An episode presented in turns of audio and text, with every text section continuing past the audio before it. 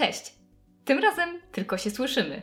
Nie bawię się tutaj w kameleona, ale po prostu pomyślałam, że w przerwie od długiego grzebania w jakimś temacie czasami w miarę szybko o czymś pogadam.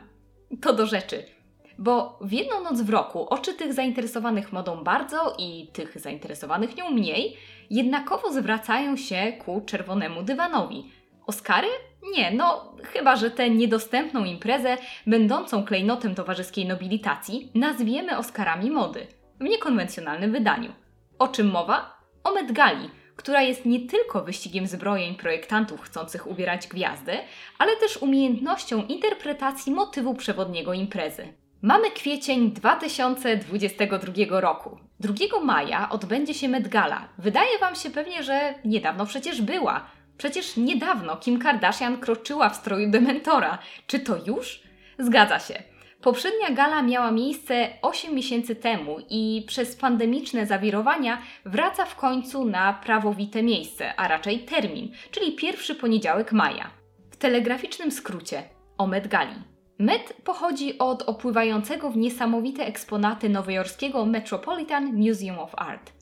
Nas szczególnie interesuje Costume Institute, który posiada jedne z najbogatszych kolekcji historii mody – Dobra wróżka amerykańskiej mody i lwica ubraniowego PR-u Eleanor Lambert w roku 1948 postanowiła zorganizować kolację, która miała stać się wydarzeniem sezonu i była deserem dla towarzyskiej śmietanki. Ale dopiero Diana Vreeland ze swoimi czerwonymi szponami i kapeluszem z papierosowego dymu uformowała w okolicach lat 70. z kolacji to, czym raczymy się teraz – jako specjalna konsultantka Costume Institute przeniosła galę do budynku Met i stworzyła motyw przewodni. Co ważne, motyw zazębia się z wystawą, która odbywa się w danym momencie w Met. A w roku 95 Anna Winter zasiadła na tronie Met Gali, nadając jej jeszcze większego gwiazdorskiego prestiżu i jest tam do tej pory. Tutaj odrobina autopromocji i serdecznie zachęcam Was do spędzenia ze mną kilkunastu minut w osobnym odcinku, gdzie dokładniej opowiadam o historii tego wydarzenia, od listy gości po menu. Wróćmy zatem do tegorocznej edycji Met Gali. Jest ona wyjątkowa, ponieważ jest niejako kontynuacją motywu, który pojawił się w zeszłym roku. Można to interpretować zupełnie pragmatycznie lub iść dalej, myśląc o stałości świata, sztuki, trwającej mimo wszystko. W 2021 roku Met Gala bazowała na wystawie in America A Lexicon of Fashion.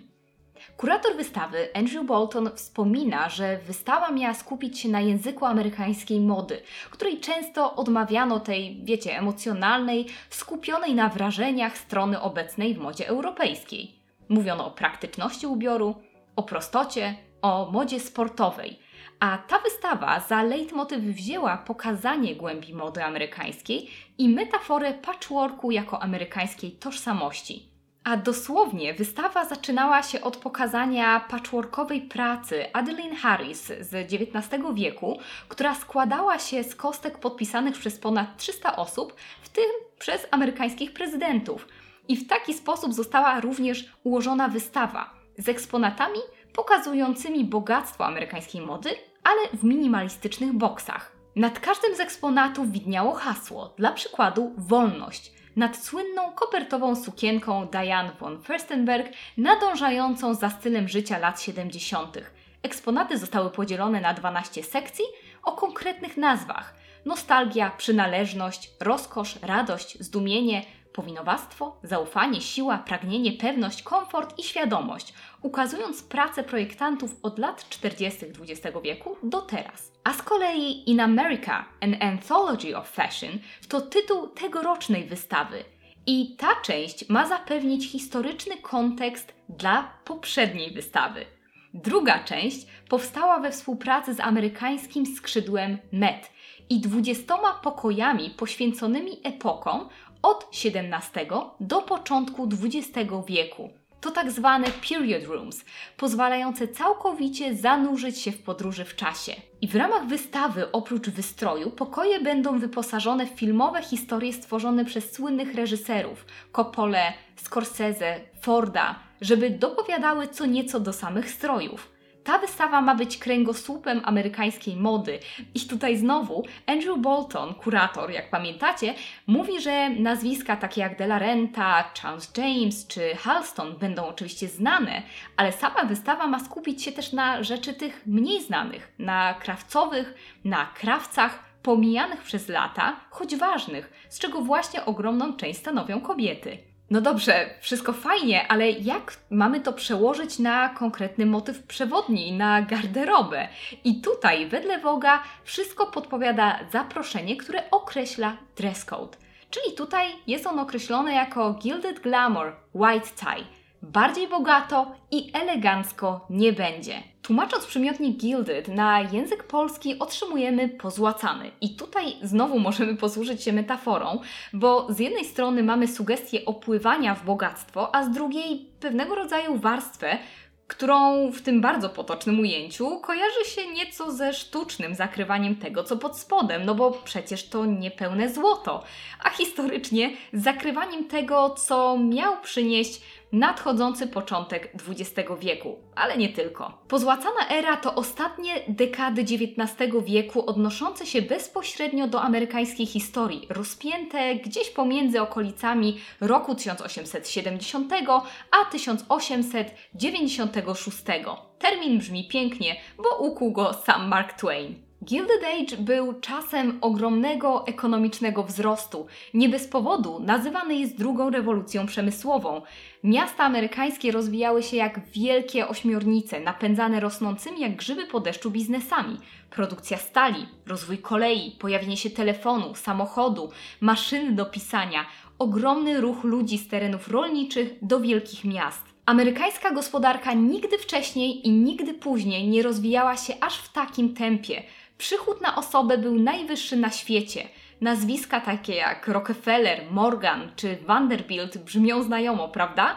Bo właśnie to ich niewyobrażalne bogactwo dzieliło społeczeństwo. Z jednej strony nazywano ich robber barons, sugerując niezbyt godne pochwały praktyki, a z drugiej strony było to uosobienie amerykańskiego snu. Bogacze głosili więc swoją Ewangelię luksusu, angażując się przy tym w działalność charytatywną. Z dobrych lub często zupełnie wizerunkowych pobudek. Oczywiście ten czas to nie tylko blask, to również cienie, a za najważniejszy możemy chyba uznać prawa Jima Crowa, ustawodawstwo legalizujące segregację w niektórych stanach. Społecznie ta pozłacana era często odnosiła się do ostentacji, bufonady i nowobogackiej mentalności zdobywców wielkich fortun, które nie wiązały się wcale z tak zwanym dobrym pochodzeniem, a wszystko to było jeszcze wyraźniejsze, kiedy rosła przepaść pomiędzy tymi, co mieli wszystko, a tymi, co nie mieli absolutnie niczego. I idealnym przykładem relacji pomiędzy starymi a nowymi pieniędzmi był stosunek słynnej bywalczyni salonów Caroline Astor, znanej jako The Mrs. Astor,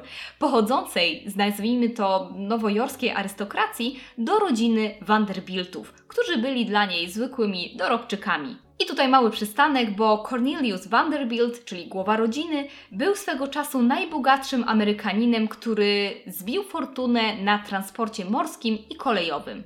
I pani Astor sprawowała pieczę nad tak zwaną listą 400, czyli listą najmodniejszych, najbardziej dystyngowanych, oddanych tradycji i etykiecie nowojorczyków.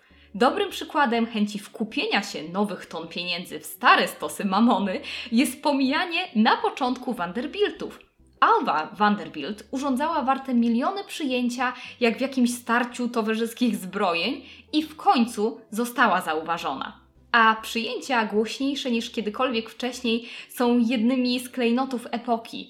Do tego Nowe fortuny używały prasy do szerzenia informacji o swoim statusie, coś co było uznawane za absolutnie wulgarne przez stare rody. A a propos Bali, tu ciekawostka, która idealnie obrazuje to, o czym przed chwilą mówiłam, bo Alva Vanderbilt w roku 1883 wyprawiła swój słynny bal maskowy na ponad 1200 osób. I tym razem to pani Astor musiała prosić o zaproszenie. I żeby było zabawnie, pani Astor przebrała się za wenecką księżniczkę i to samo zrobiła Alva Vanderbilt, tylko w rozmiarze maxi, bo miała na sobie żółto-białą brokatową suknię. to Rupert wyraża chyba zachwyt, halkę w kolorze głębokiej pomarańczy i jasnego masełka, a do tego gorset z niebieskiej satyny ozdobiony złotymi koralikami. Jeszcze aksamitna tiara z pawiem i sznur pereł, który należał do Katarzyny Wielkiej, rozciągający się na jej talii. Bogactwo. I dodajmy do tego te wspomniane zdjęcia obiegające prasę. Vanderbiltowi nie mieli sobie równych, jeśli chodzi o pokazywanie bogactwa. Bale maskowe i to wahnięcie w stronę nowych pieniędzy idealnie podsumowuje właśnie epokę nadmiaru. Mamy już poduszkę z dozy historii. Przejdźmy więc do mody. I uznajmy, że zadaniem domowym będzie właśnie przejrzenie wszystkiego, o czym mówimy, bo naprawdę warto.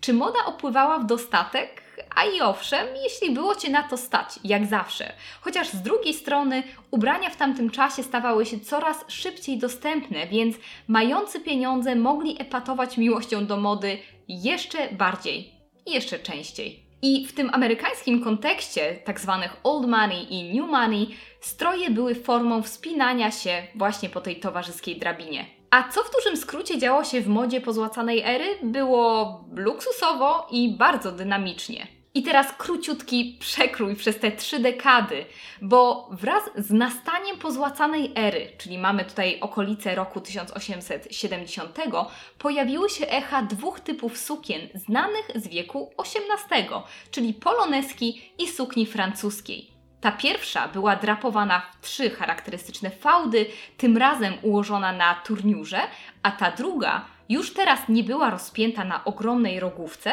ale warstwa wierzchnia po prostu wciąż ukazywała spódnicę przez rozcięcie z przodu. Jednym z charakterystycznych elementów było przeniesienie właśnie szerokości sylwetki z boków na tył. Suknia nie była już oparta na tym wielkim okręgu. Krynolina została zastąpiona przez wspomnianą turniurę, drapowanie sukni z tyłu, krynolinki, poduszki z końskiego włosia, żeby właśnie tam nadać tej objętości. Początek lat 70. to nieco podwyższona talia, opadająca linia ramion i gorset wykończony baskinką. W połowie lat 70. pojawiła się druga sylwetka, sylwetka księżniczki, odnosząc się tutaj do stylu księżnej Walii Aleksandry. Talia była bardzo mocno podkreślona, spódnica wąska, ozdobiona trenem nawet w przypadku sukni dziennych.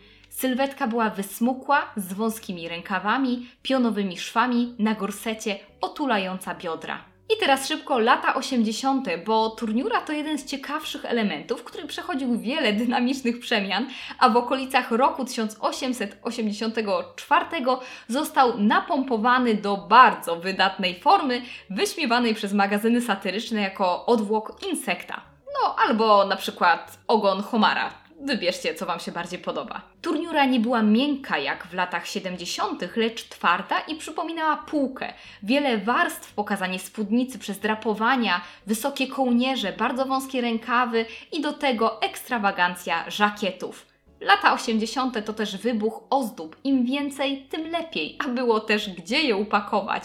Czyli kokardy, plisy, koronki, falbany, marszczenia zmieniały zupełnie charakter ubioru. Odnośnie kolorów pojawiały się piękne, intensywne barwy, tańsze, mocniejsze i łatwiej dostępne ze względu na syntetyczne barwniki. I dla przypomnienia, w roku 1856 pojawiła się purpura dzięki chemicznym pomyłkom Perkinsa. Ale wracając, sztuka poprawnego ubioru Frosta z roku 1870 mówi o poprawnym doborze kolorów, bo pozłacana era może nam również kojarzyć się z kontrastującymi kolorami. Zestawienie podobnych kolorów wedle Frosta było kompletnie nie na miejscu. I tutaj cytat. Współistnienie i zbieżność dwóch kolorów o jednakowej intensywności jest barbarzyństwem całkowicie odrażającym, zaprzeczającym dobremu gustowi i sprzeciwiającym się wszelkim zasadom sztuki. Dobitnie. I Frost proponuje na przykład połączenie purpury i złota, niebieskiego, pomarańczowego, szarego i białego. A co z ostatnią dekadą XIX wieku? Tutaj turniura całkowicie zniknęła. Zmierzamy powoli w stronę archetypu Gibson Girl, piersi gołębia, spódnic przybierających linię A, bufiastych rękawów jak barani udziec, sylwetki w kształcie litery S z nowym rodzajem gorsetu, który jak pamiętacie miał być leczniczy. Ubiór uległ uproszczeniu w zestawieniu z latami 80. Widać też wpływ męskiego ubioru na damską garderobę. Pojawia się koszula, żakiet, spódnica i tutaj też oczywiście są wpływy sportu, który stał się dostępny dla kobiet. Najbogatsze Amerykanki podróżowały do Europy, żeby po prostu nabyć tam suknie europejskich mistrzów, takich jak na przykład Worth czy Felix. I tutaj ciekawostka, europejscy mistrzowie krawiectwa często podnosili ceny dla Amerykanek, uznając często ich fortuny właśnie za wulgarne i niegodne ich projektów. I ten się śmieje, kto się śmieje ostatni, czyli dla europejskich krawców, ich pieniądze były właśnie czymś takim jak w Stanach. New money. Bańka bogactwa i optymizmu pęczniała, skłaniając do wielkiej dekadencji, co zbiegało się nieco z europejskimi feudesieklowymi tendencjami, więc co zakończyło pozłacaną erę w Stanach. Powodów było wiele, a za jeden z nich można uznać panikę z roku 1893 i ekonomiczną depresję, która wybuchła m.in. po bankructwie jednych z największych pracodawców. Czyli tutaj mamy na myśli The Philadelphia and Reading Railroad and the National Cordage Company. A co do tegorocznej Met Gali, choć nie jest pewne to, w jaki sposób zaproszeni zinterpretują dress code, na pewno będzie na co popatrzeć. Niektórzy z krytyków już złośliwie komentują, że ponownie Met Gala zajmie się tym, czym powinna, czyli żeby w strojach wyglądać po prostu pięknie. Szczegóły prowadzącymi będą m.in. Regina King, Blake Lively czy Lin-Manuel Miranda, a lista gości jak zawsze jest trzymana w tajemnicy. Żeby wczuć się w klimat, może warto nadrobić serial HBO Gilded Age albo sięgnąć po niezapomniany Wiek Niewinności. No, to tyle w tej podcastowej wersji odcinka. Mam nadzieję, że zaserwowałam trochę ciekawych informacji, wyszeptanych tym razem, a może wypowiedzianych wręcz za głośno, prosto do ucha. Dajcie znać jak wrażenia i podajcie dalej, jeśli uznacie, że warto. Do następnego!